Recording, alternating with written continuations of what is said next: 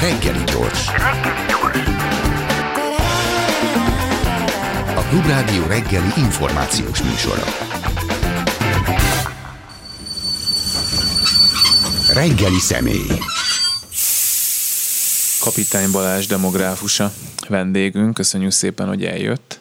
Én köszönöm a lehetőséget, és üdvözlöm a hallgatókat. És akkor nem tudom, mennyire provokáló kérdés, de arra gondoltam elsőként, hogy mondjuk azt el, hogy baj-e az, hogyha egy országban többen halnak meg, mint amennyien születnek, baj-e az, hogyha kevés gyerek születik, és akkor erre nyugodtan adhat egy tudományos választ, meg egy, egy emberi személyes választ is. Ö, ugye egy országnak, a ö, embereknek a jólétét vagy a boldogságát nem az határozza meg, hogy hányan laknak. Ugye Magyarország lehetne egy nagyon boldog 8 milliós ország, és egy rettentően boldogtalan 12 milliós ország.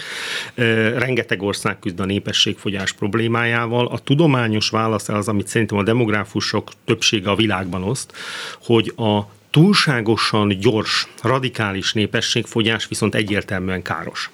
Tehát az, hogyha egy nagyon szolidan csökken a népesség egy területen, vagy valahol, azzal, azzal egy, egy, együtt lehet élni, és van rengeteg példa, hát gyakorlatilag Magyarország is 1980 óta együtt él ezzel a jelenséggel.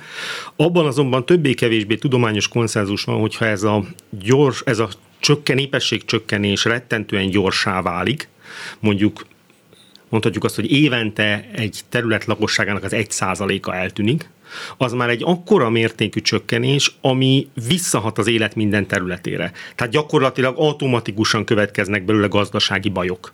Most gondoljunk abba, hogy egy olyan területen fejleszteni, ahol, ahol folyamatosan csökken a fogyasztók száma, ki az, aki, ki az, aki beruház, ki az, aki a jövőben gondolkodik. De hát hogy a népességfogyás önmagában nem ördögtől való, viszont van a népességfogyásnak egy olyan mértéke, ami, ami, ami alapvetően ténylegesen veszélyes lehet a, a, az adott társadalmakra, és ezzel összefüggésben ugye a termékenység kapcsán is azt szokták mondani a demográfusok, hogy Ugye van ez a 2,1-es határ, tehát egy, egy hölgynek élete folyamán átlagosan 2,1 gyereket kéne vállalni, hogyha ennél kevesebb statisztikai átlag, akkor egy generáció nem termeli újra önmagát. Tehát akkor generációra, generációra kevesebben leszünk. Gyakorlatilag a fejlett világ túlnyomó többségében már ez van.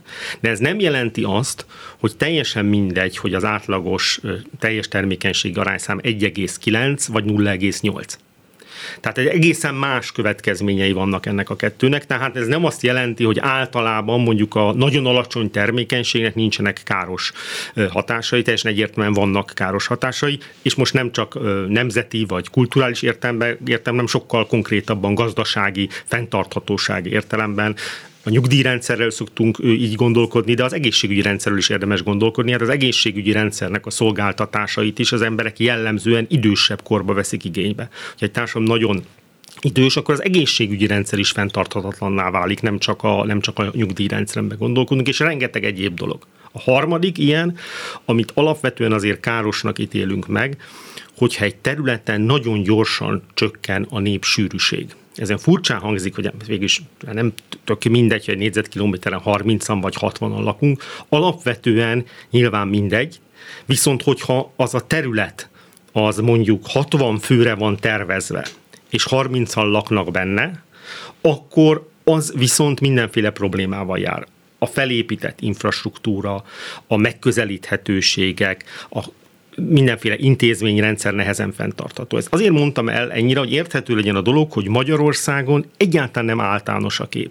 Budapest, Pest megye összességében tartja a népességét. Az új népesség népszámlási adatok szerint már 3 millióna 9, mondjuk 6 milliós, de inkább kicsit kevesebb országból már 3 millióan Budapesten és Pest megyében laknak. Ha valós agglomerációt nézzük, ami már kicsit túlterjed Pest megye határain, akkor akár az ország lakosság egyharmada itt él. Ezzel szemben mondjuk van Békés megye, ahol az két népszámlálás között több mint 13 kal csökkent a népesség.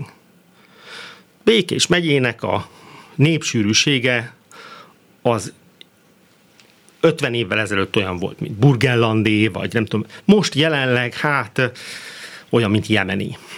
Most nyilván az ember elgondolkodik azon, hogy, hogy milyen, mik indokolják azt, hogy ezen a területen és milyen következményei vannak egy ilyen népességcsökkenésnek. Tehát ezeken a területeken igenis veszélyes, káros és nagyon nehezen visszafordítható folyamatok indultak meg.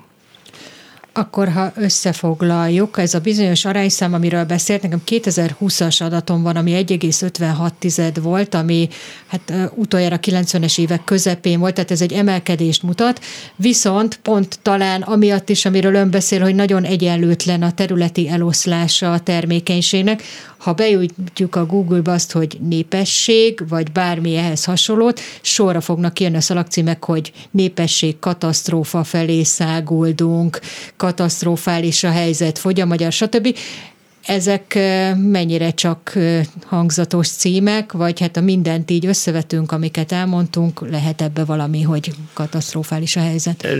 Nem, nem, akut katasztrófa semmiképpen nincs. Ugye Magyarország népessége, ez a bizonyos teljes termékenységi arányszám, ez Magyarországon gyakorlatilag ez 1960-as évek óta nem éri el a 2,1-et. A népesség csak 1981-be kezdett csökkenni, ennek a 20 évnek az az oka, hogy volt egy halandóságjavulás, más volt egy kedvező korstruktúra. 1980 óta az akkori 10,7 milliós Magyarország lecsökkent mondjuk 9,7 milliósra, úgy, hogy közben jó néhány százezren vándoroltak be, jellemzően határon túli magyarok. Ez a folyamat folytatódik, és folytatódni is fog.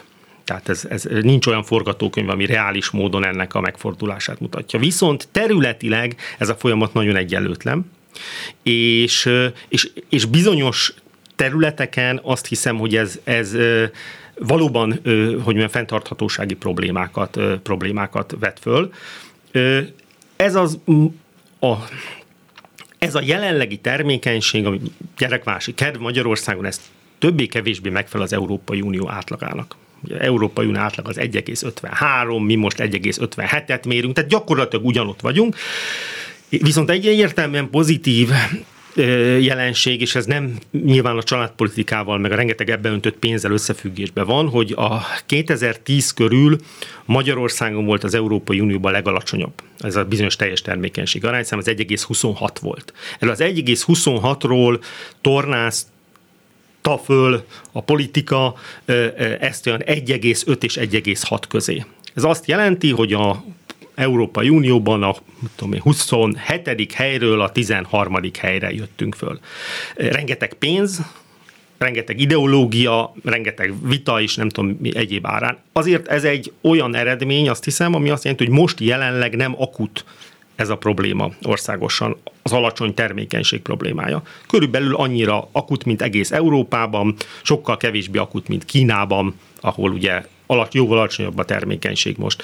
Tehát, hogy ide, ide, ide jutottunk többé-kevésbé. Most az a kérdés, hogy a következő években mi történik, hogy ez a családtámogatási szteroidokkal felpumpált termékenység, ez visszaesik, mihelyt ugye elfogy a pénz, mert most elfogyott a pénz, vagy esetleg marad egy ilyen európai átlagos szinten.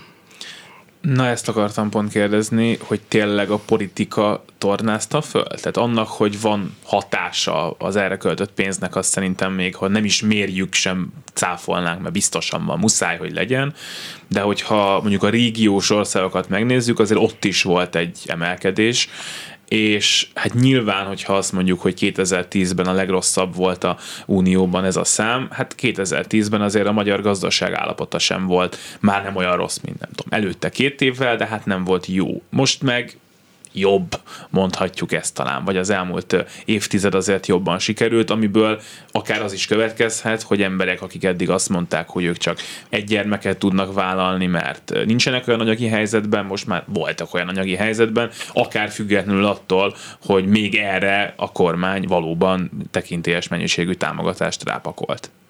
E, először is ténykérdés, hogy a családtámogatások hatásait tettentő nehéz mérni. Nem úgy van, hogy bedobom 20 forintost és kipotyog a gyerek. Másodszor a gyermekvási döntések azok, azok egy teljes életútra szólnak, tehát én óriási pénzekkel elérem azt, hogy mondjuk aki 32 éves korában vállalt volna gyereket, most 29 éves korában vállaljon gyereket, amikor eljutunk a 45 éves korig, vagy az 50 éves korig, akkor ugyanúgy egy gyereknél tartok, csak a támogatásokkal egy időzítési hatást értem el. Jelenleg ugye nem nagyon, ezért nagyon nehéz mérni, ki kell várni gyakorlatilag a befejezett terméket. De ez jó lehet, bocsánat, csak azért kérdezem már, hogy azért nagyon sok második gyerek azért nem születik meg talán, mert hogy kifutnak az időből. Tehát, hogyha Pontosan, valaki elővállal, az már önmagában így van, ezt az szoktam, mond, esélyét. így pontos, ezt szokták mondani a demográfusok, hogy igen, azért van az időzítésnek is valami feltételezett hatása, de mondjuk el tudunk, rengeteg olyan családpolitikai intézkedést tudunk elképzelni, meg van Nyugat-Európában is alapvetően időzítési hatás, tehát előre hoznak egy később is megszületett gyereket. Most azért Magyarországon nem erről volt szó, tehát jelentős nő, mértékben nőtt a harmadik gyerekeknek a aránya és száma, ami nyilván összefüggésben van azzal, hogy ez a politika a harmadik gyerekekre célzott jelentős. Tehát nyilván, más plauzibilis magyarázatot nem nagyon tudunk, hogy mondjam, ebbe igazából mondani, és igazából maguk az érintettek is ezt valamennyire visszaigazolják. Nagyon fontos, igaz az, hogy növekedés volt a régió országaiban is, Azonban a magyar növekedés nagyobb volt a régiós átlagnál, kivéve talán Romániánál, de hát Romániában viszont ezt nyugodtan mondhatom, az adatok teljesen megbízhatatlanok, mert a román kollégák azok minden román gyereket akárhol születik, előbb-utóbb elkönyvelnek Romániában született gyereknek, tehát ott egy felduzzasztott születésszám van, az 1,80 valahányas teljes termékenység arányszám, az nem reális, ezt, ezt, ezt, ezt, ezt nyugodtan lehet szakmailag mondani. Ott, tehát valójában egy tényleg egy kicsit nagyobb növekedés volt, mint a régióban az a kérdés, hogy ez a renget, vagy ez egy teljesen jogos kérdés, hogy ez a rengeteg pénz, rengeteg ideológiai vita, amelyet erre folytattak, megéri ezt az icipici hasznot.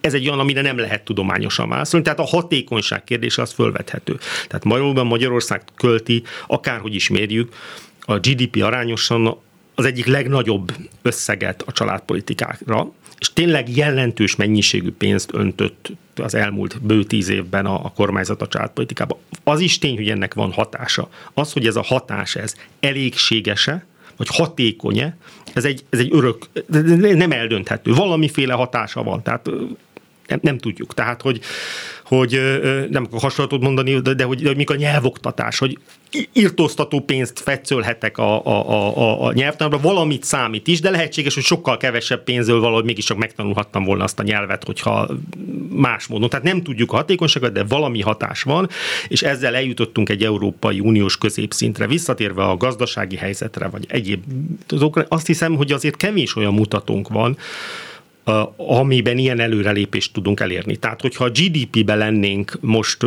az Európai Unió közepében, vagy a korrupciós indexeket tekintve, akkor azt hiszem, hogy akkor hogy elégedettek, elégedettebbek lennénk. Ilyen értelemben a családpolitika bizonyos értelemben sikeres volt. Említette a harmadik gyereket meg, hogy erre fókuszál, vagy erre is fókuszál, főleg ez a fajta családpolitika, és mi beszélgettünk korábban arról, hogy azért van olyan, hogy úgy születnek meg harmadik gyerekek, hogy nem tervezték őket, talán nem is igazán akarták már őket, hanem egyfajta kényszerből. A demográfus tud ezzel mit kezdeni, mert tök jó, megszülettek, tehát hogy megvan a szám, de mégiscsak itt van egy olyan generáció, amelynek van egy olyan rétege, akiket gyakorlatilag kényszerből szültek, egyfajta ilyen ratkó korszakszerű Hogyha ez, ha ez valóban így lenne, tehát akkor ez egy rettentő szomorú dolog lenne. Nyilván mindig lehet szélsőséges példát találni, mi ezt állandóan próbáljuk nézni és vizsgálni, és úgy látjuk, hogy azért nem erről van szó. Ahol ilyen probléma fölmerül, az inkább a kényszerből együtt tartott házasságok. Ott, ott, ott ezt egy komolyabb dolognak érzem. Ezek alapvetően a, a kényszerből szülés, vagy a támogatás miatt szülés problémáját mi nem érezzük mérhetőnek. Alapvetően azért nem olyan emberek vállalt be a harmadik gyereket, akiknek ez eszük ágában sem volt, hanem igazából arról, vagy nagyon ritka ez a példa, tehát igazából úgy látjuk, hogy hogy, hogy inkább ez a tervek megvalósulásához vezetett jellemzően hozzá a termékenységet tekintve. Egyébként nem biztos, hogy jól célzott volt. Tehát, hogy ezen, ezen megint lehet filozofálni, ugyanis igazából a magyar termékenységnek az oka az első gyerekek megszületésének az elmaradása. Tehát a harmadik gyerekekre lehet gyúrni, akinek hagyományos, klasszikus családban élő két gyerekes vállalja a harmadik gyereket. Erre volt is egy hatás, egy, nem az akaratuk ellenére vállalták jellemzően ezt a harmadik gyereket, hanem viszont, viszont közben folyamatosan nő a gyermektelenség, és ennek jelentős aránya nem tudatos hanem belecsúszott a dolog, és mire a politika erre rájött, vagy, vagy, vagy ide fordult ebbe a dologba, addigra már valószínűleg ez egy, ez egy eléggé nehéz, nehezen visszafordítható jelenség. Tehát visszatérve a kérdésre, én ezt nem érzem annyira kritikusnak, nyilván lehet példákat hozni, de itt azért nem a ratkó korszakról van szó, ahol, ahol, ahol ténylegesen hogy mondjam, az abortusz tilalommal rengeteg gyermeket kényszerítettek arra, hogy megszülessen. Ez fontos, amit az előbb mondott, mert hogy amennyire én tudom, Magyarországon nem az a probléma, hogy nem akarunk gyerekeket, hanem hogy nem születik annyi gyerek, mint amennyit akarunk, és hát a kérdés az, hogy ezt meg tudjuk-e mondani, hogy miért nem, és hogy azok az intézkedések, amik az elmúlt több mint tíz évben történtek, történtek azok reagáltak erre, ezekre az okokra, hogy miért nem. Én azt mondanám, hogy anélkül, hogy nem szeretnék belecsúszni egy ilyen kormányzati politika dicsérésbe, hogy alapvetően azért megnézték azt, hogy mik azok az okok. Tehát ez tény, ha mindenkinek a tervezett gyerekei megszületnének, akkor Magyarországon nem lenne termékenységi probléma. Ez akárki méri függetlenül, tehát ez egy így van. Átlagosan több, mint kicsit több, mint két gyermeket terveznek a magyarok. Probléma az, hogy kevesebb születik. Amikor elkezdjük nézni, hogy mi a ennek a gapnek, vagy ennek a szakadéknak az oka, akkor nagyon különböző dolgokat találunk. Van olyan, amiben bele lehet avatkozni, van amiben hülyeség beleavatkozni, és mégis megpróbálták.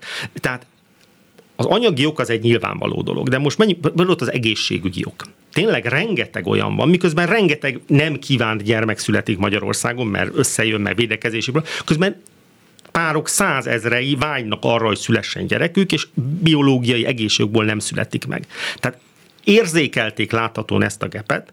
Most ami ebből következett, az egyáltalán nem biztos, hogy szerencsés. Ugye ez az államosítás ennek a rendszernek, de hogy a következő ilyen probléma az valóban a lakás probléma volt. Tehát azt látjuk, hogy Magyarországon van a fiatalokban egy nagyon erőteljes dolog, hogy bérelt lakásban nem szülök.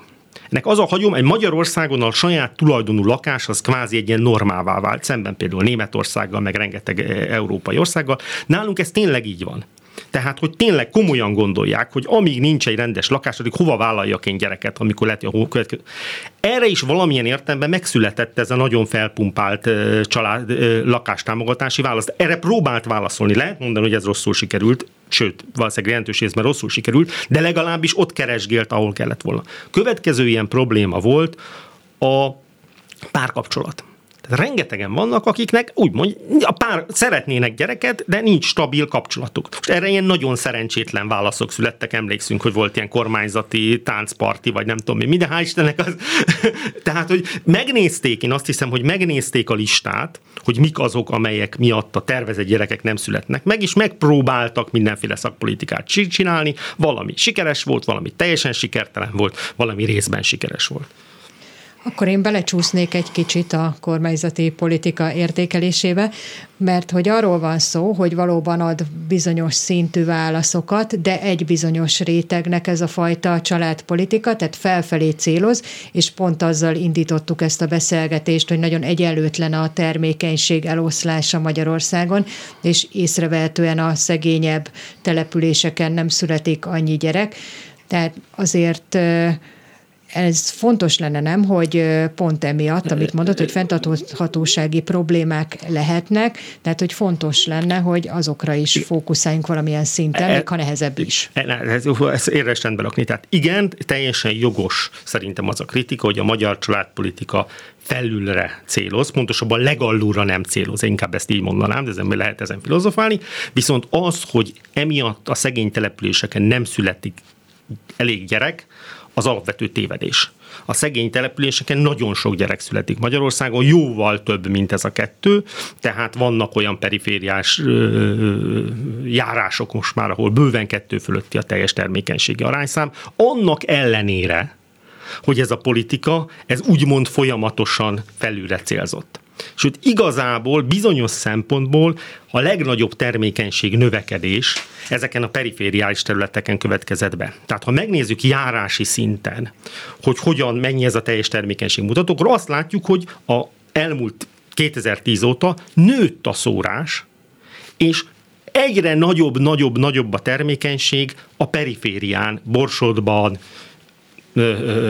Szabolcsban, egyéb kis térségekben, miközben a középosztályi vagy jobb módú járásokban stagnálás figyelhető meg. Tehát annak ellenére még egyszer, hogy ez a politika fölfelé célzott, nem érte el azt, hogy a ö, társadalmi réteg közötti termékenység különbség, hogy mondjam, csökkenjen, továbbra is nagyon nagy előnye, termékenységi előnye van a ö, legszegényebb rétegeknek. Ez egy nehéz probléma, de ez van.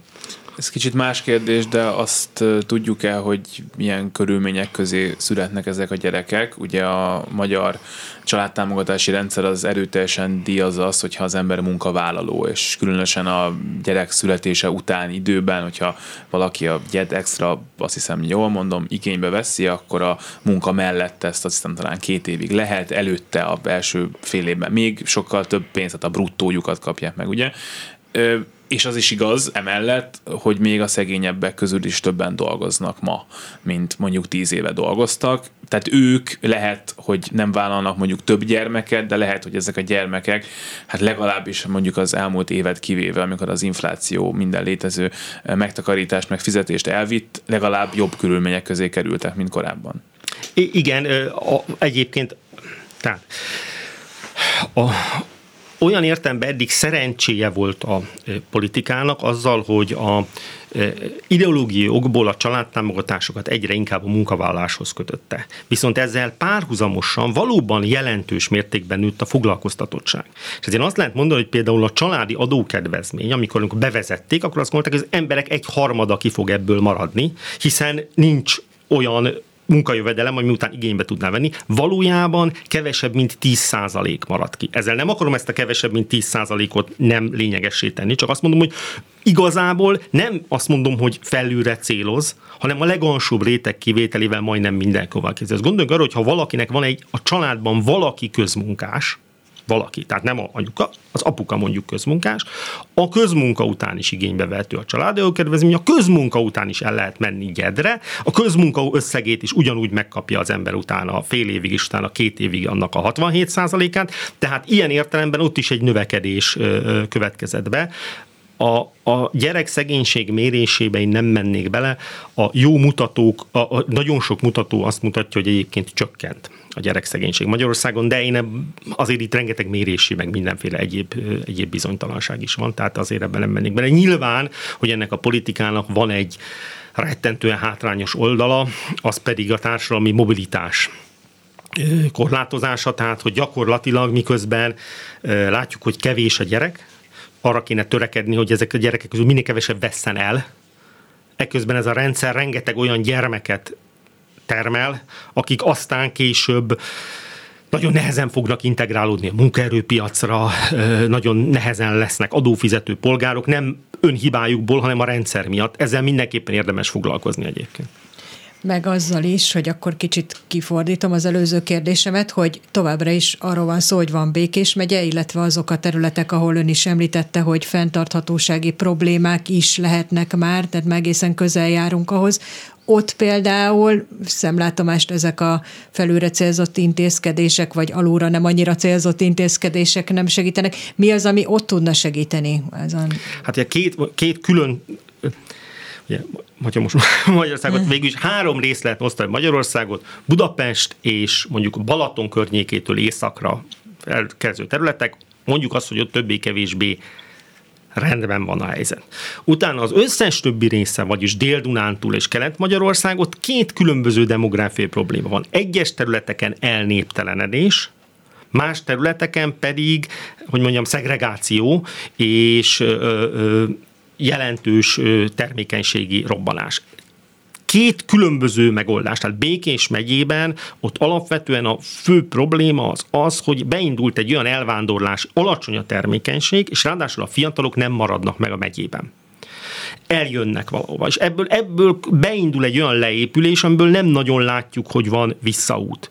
Tehát például a Békés megyében az anyuk szülőnők iskolai végzettsége csökken. Azért, mert aki iskolai végzettséget szerez, mondjuk diplomázik, az már nem Békés megyében vállalja a gyerekeit. Tehát, hogy ez, egyfajta folyamat, egy népességcsökkenéssel. Más területeken nem ez a probléma, más területeken az a probléma, hogy nagyon sok gyermek születik, sok gyermek születik a lenti társadalmi csoportokban, akiknek az integráció nem megoldott. teljesen más irányba kéne szerintem keresni a megoldást, tehát ezek különböző szakpolitikákra lenne szükség a két irányba. Azért ez nagyon összetett feladat, nem hiszem, hogy ebben reálisan előre fogunk tudni lépni. Bár mind a kettőnek egyébként van tehát az elnéptendő térségek kezelésének is van egy európai gyakorlata, tehát erre is vannak mindenféle megoldások, és nyilvánvalóan a szlömösödő térségeknek a, a, a, a kezelésére is hát a falusi csokban talán lehet egy ilyen elképzelés, hogy költöz Igen, oda. de a falusi csokot az túl bőven húzták meg a határán. Tehát, hogy magyarul túl sok település van benne, és túl vonzó települések vannak benne ahhoz, hogy a ténylegesen problémás településeken segítsen mondjuk a családi csok. Meg itt mondom, hogy beindult egy olyan folyamat, ami, ami nagyon nehéz lesz módosítani, mert egyszerűen például nem éri meg erre a területre már munkahelyet hozni mert olyan kevés már a lakosság, olyan messze van, tehát hogyha az ember valaki gondol, hogy ide telepítek egy üzemet, húzok egy 30 kilométeres kört, és már gyakorlatilag egy folyamatosan csökkenő, előregedő népességet találok, akkor nyilván nem ide telepítem azt az üzemet, hanem telepítem Pest megyébe, vagy felepítem Fejér megyébe. Ezen nem segítenek azok az akciók sem, amikor ingyen vagy kvázi ingyen osztogatnak telkeket, és akkor ugye az a remény van ilyenkor, hogy majd oda költözik sok fiatal család, és akkor majd hozzák magukkal a különböző infrastruktúrát, nem. munkahelyet. Nem. nem, ez egy illúzió, mindenütt lehet, mindig van egy-egy jó példa. De hogy, de hogy, de hogy körülbelül ugye itt azért lássuk be, hogy egy folyamatosan csökkenő torta az ország lakossága. Egyre kevesebben vagyunk, és ezért a különböző területek, hogy mondjam, ajánlatokat tesznek a fiataloknak. Van, aki ingyen telket ajánl, de ennél lényegesebben az a terület, aki jó pénzt ajánl a munkádért. Tehát mondjuk hiába van egy ingyen telek olyan területen, ahol utána a környéken nem lehet jó munkát állni, mégis főn a fiatal Budapest, és inkább irreális áron bérel, iszonyú küzdelemmel egy albérletet, mert itt megtalálja azokat. Tehát igazából azért alakul ezeknek a területnek rosszul a demográf viszont be kell adni, mert elszipkázza őket Budapest és Pest, mert túl nagy. Tehát gyakorlatilag mindenkit, most már mindenki, az egész ország többi részét kizsákmányolja. Tehát bizonyos értelemben. Tehát azért tartja fönn magát Budapest és Pest megye demográfiailag, mert az ország összes többi részéről kiszívja. Régebben a diplomásokat szívta, most már a diplomások inkább tovább mennek, de mondjuk a szakmunkásokat, meg a középosztálynak a fiataljait mai napig képes elszívni. Ugyanígy, ha megnézzük, nagyon alacsony a termékenység Vas megyében, nem különösen magas Györmoson Sopronban, mégis folyamatosan nő a lakosság. Azért, mert sok fiatal oda költözik és ők viszont hiányoznak. És ezen az alapvető folyamaton nem tudok azzal változtatni, hogy egy világvégi faluban akármilyen szép is a fe, fekvése, és nem tudom micsoda, és még van csatornázás is, egy forintért adok telket, mert ez nem fogja ezt módosítani. Nagyon sok mindent csinált a kormány az elmúlt tizen évben. Azon gondolkodtam, hogy, hogy mit lehetne még, tehát hogy van-e még valami mozgástér arra, hogy, hogy még több gyerek szülessen, és hogy mennyi ebből az, amit a kormány megtehet. Két dolog jutott eszembe, az egyik az, hogy ön is emlegetett uh, itt mindenféle ideológiai mászt, amiből az egyik az az, hogy az anya, a nő az otthon van és gyereket nevel, de közben a valós politika meg arról szól, hogy minél gyorsabban tudj visszamenni dolgozni, és ezt megpróbáljuk neked megteremteni, gondolom, mert tudjuk, hogy ezt akarod, de hát azért az, aki mondjuk bölcsödébe akarja adni a gyerekét, az tudja azt, hogy ez nem biztos, hogy egy könnyű menet, és eszembe jutott még egy másik dolog, ahol meg viszont szerintem nem nagyon történik semmi, az az, hogy néhány évet egy ilyen nő kutatás készült, amiben nagyon sokan számoltak be arról, hogy az első szülésélmény, illetve az utána következő időszak, tehát az, hogy a család, az apuka mondjuk miben segít, miben nem, hogyan van a munkamegosztás, az annyira rossz élmény volt, akár maga a szülés, akár ami utána jött, hogy a tervezett második gyerekből nem lett tervezett második gyerek, vagy hát akár egy vállás lett belőle. Ez meg egy olyan szempont, amit nem tudom, hogy a kormányzatnál a fejekben van-e, hogy ezzel lehet-e valamit kezdeni. Igen, mind a kettő abszolút jogos.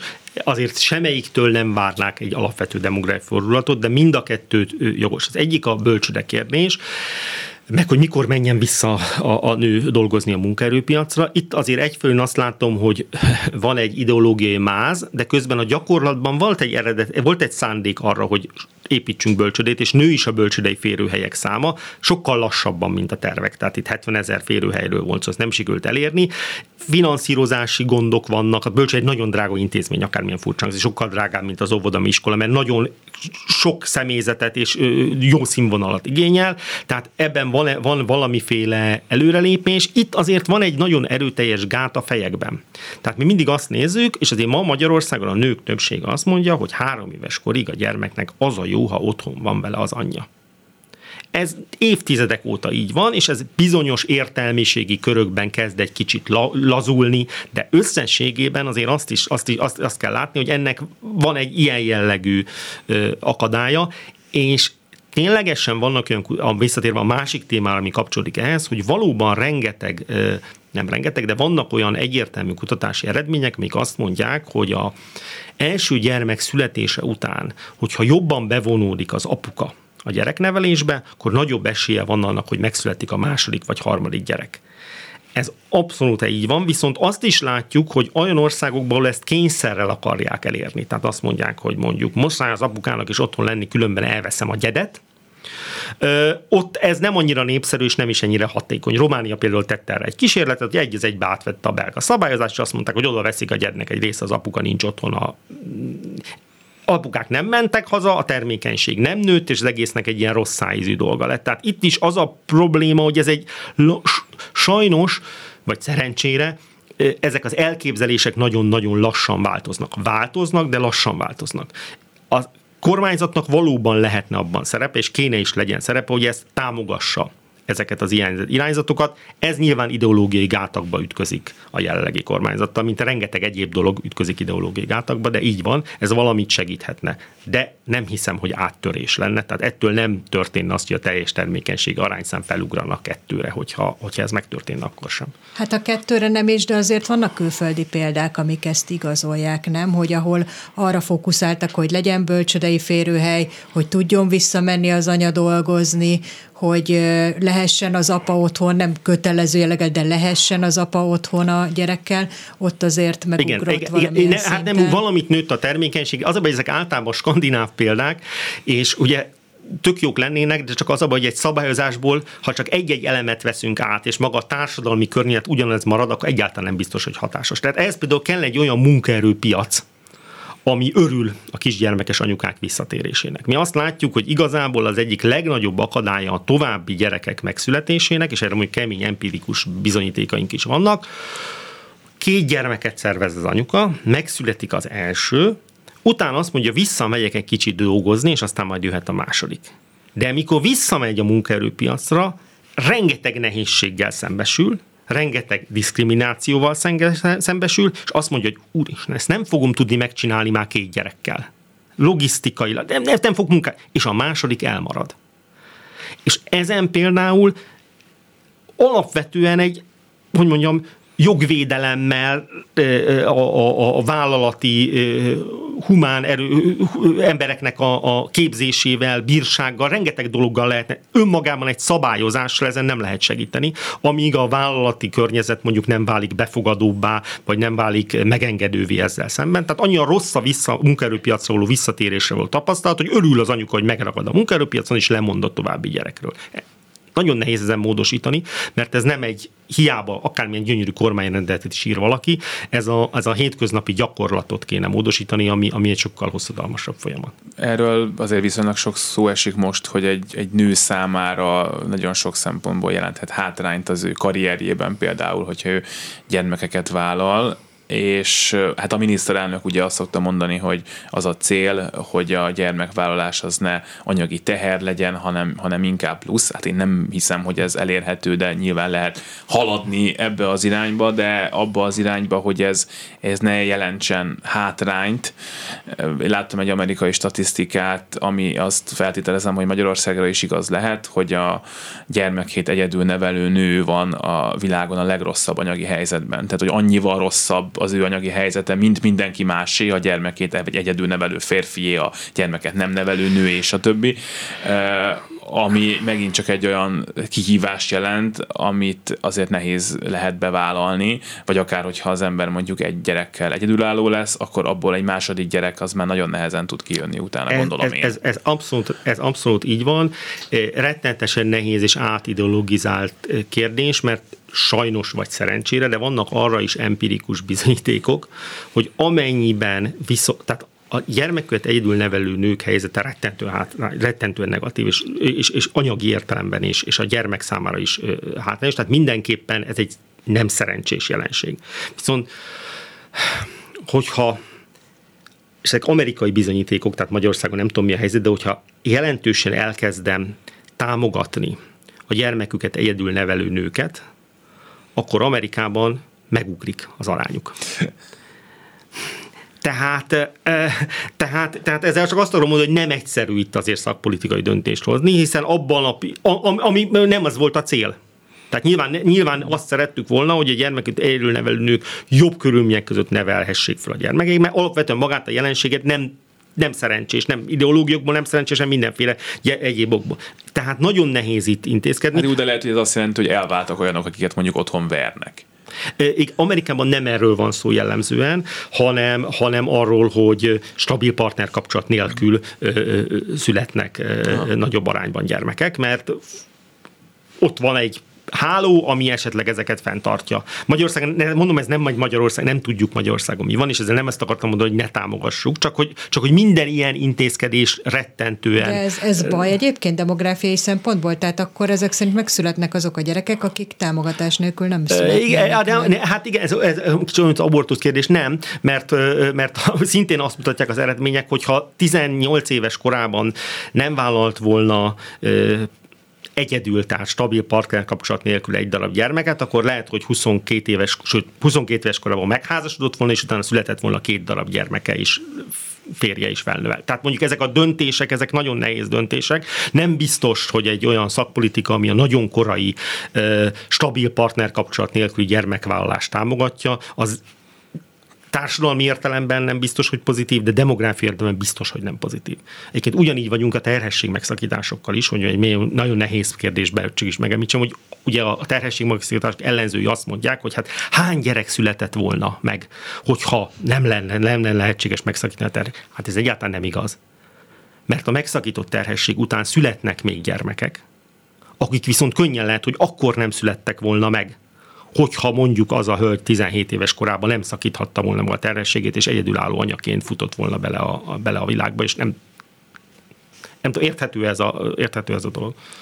Kéne még a népességfogyás más szempontjairól, egészségügyről, halálozásról is beszélgetünk egy kicsit, ezért csak gondolván, hogy talán befejezésül valami csodafegyver lehet-e még a kormányzat kezében, hogyha azt szeretné, hogy tovább nőjön ez a, ez a termékenységi arányszám, bízunk benne, hogy a gazdasági helyzet megjavul, a munkaerőpiac nem romlik, nem lesz munkanélküliség, stb., akkor ez akár még folytatódhat is, ki tudja, talán család, családtámogatásra is jut még majd pénz, lehet-e még valamit csinálni, vagy nézni kell az eredményeket, amik eddig összejöttek? Hát én szerintem nagyon nagy siker lenne, ugye most jelenleg a családtámogatások elinflálása folyik, tehát ez egy elegáns történet, ugye e, földú, mindig mindenki mondta, hogy nem lesz ez tartható, hogy túl sokba fog ez kerülni, hogy e, e, a szám, a, egy családtámogatási intézkedés akkor hat, hogyha az emberek elhiszik, hogy ez stabilan fenntartható.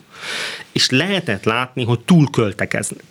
Még ha jó szándék is, meg akkor is túlköltekeznék. Na most bekövetkezett ez a dolog, hogy ezeket a túlköltekezéseket vissza kell fogni. Ilyen értelemben szerencsés helyzetben van megint a kormányzat, mert elinflálja.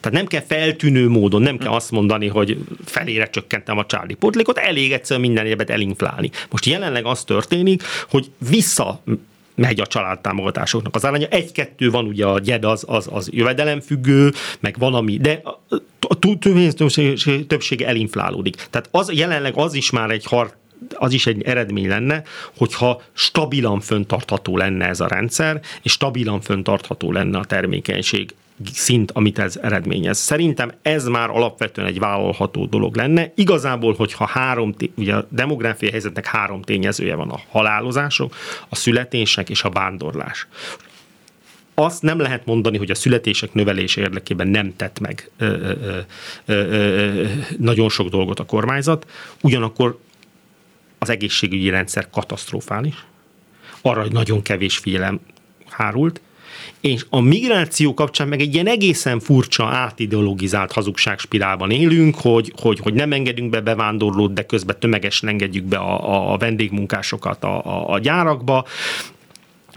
Tehát itt, itt is valami értelmes szakpolitikai megoldást, vagy nem tudom, mit lehet, lehetne keresni. Tehát azt hiszem, hogy jelenleg ebből a három pillérből a termékenységnél a helyzetnek a fenntartása az egy nemes cél, és el kéne kezdeni próbálni a egészségügyi ellátórendszerrel javítani. Ez nem csak azt jelenti, hogy valaki nem 86 éves korában hal meg, hanem 88 éves korában. Tehát rengeteg középkorú embert vesztünk még el, olyan értelemben, hogy meghal, vagy olyan értelemben, hogy munkaképtelenné válik az egészségügyi állapota miatt. Tehát ilyen értelemben ez egy közvetlen gazdasági érdek is, és valamit kell kezdenünk a, vándor, a vándorlással, nem csak feltétlenül a bevándorlással, itt a kivándorlás is, a saját polgáraink kivándorlás fontos, tehát ebbe az irányba kéne jobban elfordulnunk szerintem. Ezt egyébként mutatják adatok is, mert Szlovákia és Csehország például sokkal jobb helyzetben van, mint mi népességfogyás szempontjából, és valóban az történik, hogy ott egy kicsit magasabb a gyerekvállalási kedv, az egy dolog. Nyilván a kicsit biztonságosabbnak érzik a gazdasági helyzetet, akármilyen szomorú is legyen, hogy erről beszélünk Szlovákia és Csehország kapcsán, illetve hát tényleg arról van szó, hogy magasabb a várható élettartam, a bevándorlást is másképp kezelik, tehát hogy ha adatok is alátámasztják mindazt, amit ön elmond, lát-e demográfusként, vagy hát valamennyire, amennyire rálátása van, bármilyen felismerést a kormányban, hogy ennek hát itt összefüggések vannak, tehát hogy nem csak azért kéne az egészségügyet javítani, mert gyakorlatilag a tönk szélén van, hanem például ezért is. Hát a politika boszorkánykonyhába, hál' Istennek nem látok bele. Mi, mi tényleg mindig állandóan ezt próbáljuk hangsúlyozni, hogy a demográfia egy háromlábú szék, és most már tessék elkezdeni a másik két lábbal foglalkozni, és Csehország különösen jó példa, mert mindig szeretünk ilyen Skandináviáról, meg távoli egzotikus példákról beszélni. Csehország egy reális alternatíva, és ami, aki képes volt megállítani a népességfogyást, és nem vetett be valami csodafegyvert, ami az egész világot megrengeti, csupán egy picit jobban csinál mindent, mint mi, és ez elég elégséges ahhoz, hogy a népesedési helyzete fenntartott legyen. Szlovákia az egy más tészta, abban most nem mennék bele, őt azért nem venném példának ebben az esetben, de, de Csehország az például ilyen. Nagyon sok minden összefügg mindennel. Ugye például utalgattunk itt Békés megyére, ami elnéptelenítik is, ott maradnak az idősek mindenféle szolgáltatás, meg mondjuk jó egészségügyi ellátás nélkül is, mert valószínűleg az se lesz ott, hogyha nincsenek alapvetően emberek, meg, meg dolgozók, amiből meg megint következik az is, hogy akkor ők ott korábban meg fognak halni, tehát oda visszaértünk oda, hogy mindennel kéne foglalkozni egy kicsit ahhoz, hogy ezt a dolgot javíthassuk, de azért azt gondolom, és hát gondolom, hogy erre vannak a demográfusoknak is válaszaik, hogy azért azt mondjuk, hogy 50 éves korában ne halljon meg annyi, főleg férfi Magyarországon, mint, mint amennyi meghal, azon azért lehetne dolgozni, és akár nem is tudom, nem óriási anyagi ráfordításból is eredményeket elérni, mert azért, hát hogy is mondjam, a, a cseh állapot, vagy néha bizonyos ö, ö, embereknél már a román állapot azért az nem tűnik olyan elérhetetlennek. Abszolút, és ez alapvetően akármilyen furcsángzik, nem is demográfia érdeke lenne jelenleg az országnak, hanem gazdasági munkaerőpiaci érdeke. Tudnék, van ez a 70-es években született nagy létszámú korosztály, aki most már lassan 50 éves lesz. Ha most ők ugyanúgy lepukkadna a 60 éves korukra, mint az előttük lévő generációk, akkor nagyon nagy baj lesz. Egyszerűen azért, mert ők nagyon sokan vannak.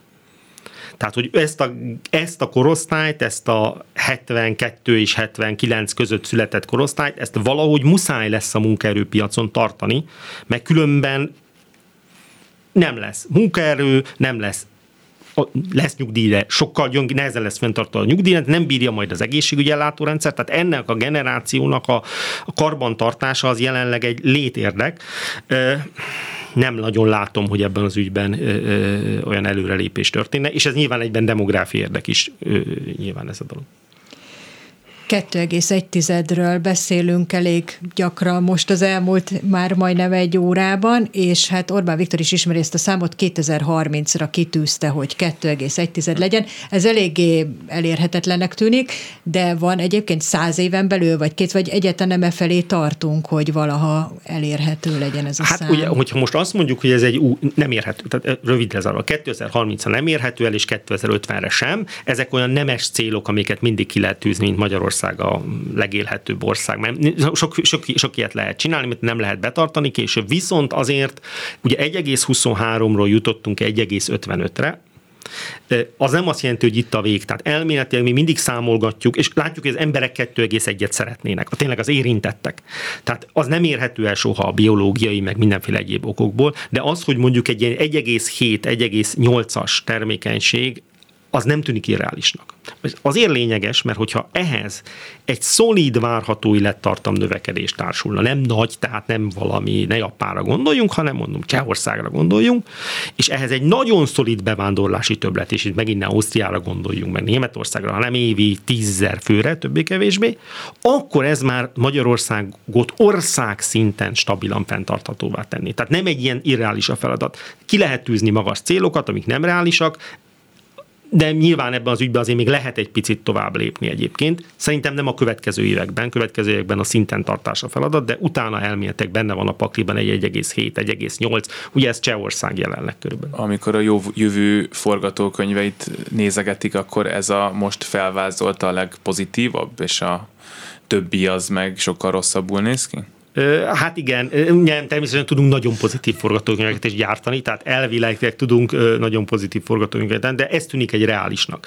Tehát azért egy fenntartható népesség Magyarországon elérhető, egy 9 millió fő körüli szinten, ami egyáltalán nem egy rögtön való, mert mondom, egy 9 milliós ország ugyanannyira lehet boldog, mint egy 12 milliós ország, de ehhez a termékenységen túl kellene dolgozni a várható élettartam növekedésén, és kellene mindenképpen valamit csinálni a migrációval. Mondom, nem tömeges bevándorlás jelent félreértés ne essék, hanem valamiféle Pedig milyen reális... címet lehetne adni ennek a beszélgetésnek, Abszolút. hogyha azt követelnénk most itt mind a hárman. Hát én inkább gondoljunk inkább arra, hogy a, az a rengeteg ember, a rengeteg Nyugat-Európában lévő kivándorolt ö, ö, magyar állampolgárnak a, minimális mértékű visszáramlása is már sokat segíthetne a dolgon, hiszen jelentős részben fiatalokról van szó, akik gyermeket is vállalnak egyébként.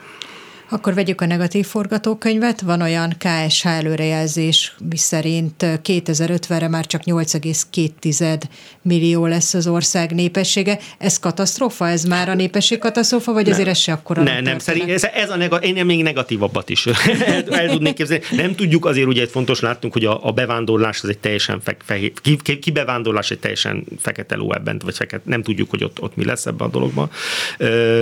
Nem, viszont azért azt engem meglepett, tehát azért érek mindig vissza, mert ugye most jöttek ki a előzetes új népszámlási eredmények, és azért ezek a regionális különbségek meglepőek és aggasztóak. Tehát én azért azt, ugye Budapestről nézve mindig nem látjuk ezt, ezt a helyzetet annyira, meg a statisztika is kicsit elfedi, de de azért el tudok képzelni bizonyos régiókat, ahol ténylegesen komoly fenntarthatósági problémák merülnek föl, hogyha egy ilyen negatív forgatókönyv van. De egyébként egy pozitív forgatókönyv mellett is, hogyha nem áll meg ez a belső vándorlás, ami Budapest meg Észak-Nyugat-Magyarország felé tart. Nagyon kevés időnk van, de ami engem egy kifejezetten foglalkozható téma, az az idősödő társadalom, és hogy mit kezdünk ezzel. Ugye az egészségügyre utaltunk már, az idősödő társadalom az magától érthetődően jelenti azt, hogy többen mennek majd házi orvoshoz, többen mennek kórházba, jellemzően idősek szoktak kórházba menni meg házi orvoshoz, és nyilván ezerféle kérdés, szolgáltatások, szociális intézmények, stb., amire mind-mind föl kell készülni, valószínűleg akkor is, hogyha ezek a szép szép forgatókönyvek válnak valóra, és itt több fiatal fog születni, mert hogy idősből mindenképpen több lesz, legalábbis akkor, hogyha nem halnak meg ideje korán, amit meg nem, nyilván nem szeretnénk. Ez így van, ez egy a, Európában vagy Németországban Japánban, tehát hozzánk hasonló, vagy nálunk is jobban előregedő, alacsony termékenységű országban ez egy fő kutatási kérdés. Magyarországon erről jóval kevesebbet beszélünk. Hogyan lehet adaptálódni ehhez a, ehhez, ehhez a dologhoz? Egyszerűen rengeteg dolgot mondjuk át lehet úgy alakítani, hogy az idősek minél tovább önálló életet élhessenek. Ez az intézményrendszerbe gondoljuk, gondol, gondolkodjunk, az egészségügyi ellátórendszerbe, a szociális rendszerbe. Tehát ehhez lehetne, ez egy, ez egy feladat lenne, és még, még van is időnk, úgy értem, tehát itt még nem késtük el, nem, nem égett a ház, de, de itt az ideje ennek, itt lenne az ideje ennek belekezdeni. Csak ez egy olyan negatív dolog, ami ugye a politikusok nem szeretnek, mert ez egy ilyen, ez ilyen tűzoltás, vagy a bajra való felkészülés, ennél sokkal szebb azt mondani, hogy, hogy ilyen pozitív forgatókönyveket teszünk, minden jó lesz, minden szép. Bölcsöde építés, ez népszerűbb, mint az idős otthon építés valószínűleg. Meg fogjuk élni mi azt, hogy lesz egy olyan év, amikor azt mondjuk majd a végén, hogy na, ebben az évben nem fogyott a magyar? Hát a, az, hogy többen szülessenek, mint ányan meghaltak, nem fogunk megélni. Olyan viszont gond nélkül el fog, elérhetünk, hogy egy, orsz, egy évben az ország lakossága nő, egyszerűen csak valami újabb kis polgárháború kéne a környéken, vagy valami ilyesmi. Tehát, hogy itt a bevándor, de maga az, hogy a szóval országon belül a születések száma nem fogja meghatni a halálozások számát, az biztos. Sajnos. Kapitány Balázs demográfus, köszönjük szépen, hogy itt volt. Én köszönöm a lehetőséget. És a reggeli gyors ezzel véget ért elkészítésében segítségünkre volt Lantai Miklós, Simon Erika és Petes Vivien. Elköszönnek a műsorvezetők. Herskovics Eszter. És Selmeszi János. Maradjanak a Klubrádióval, jönnek a hírek, minden jót. Reggeli gyors, nem maradjon le semmiről.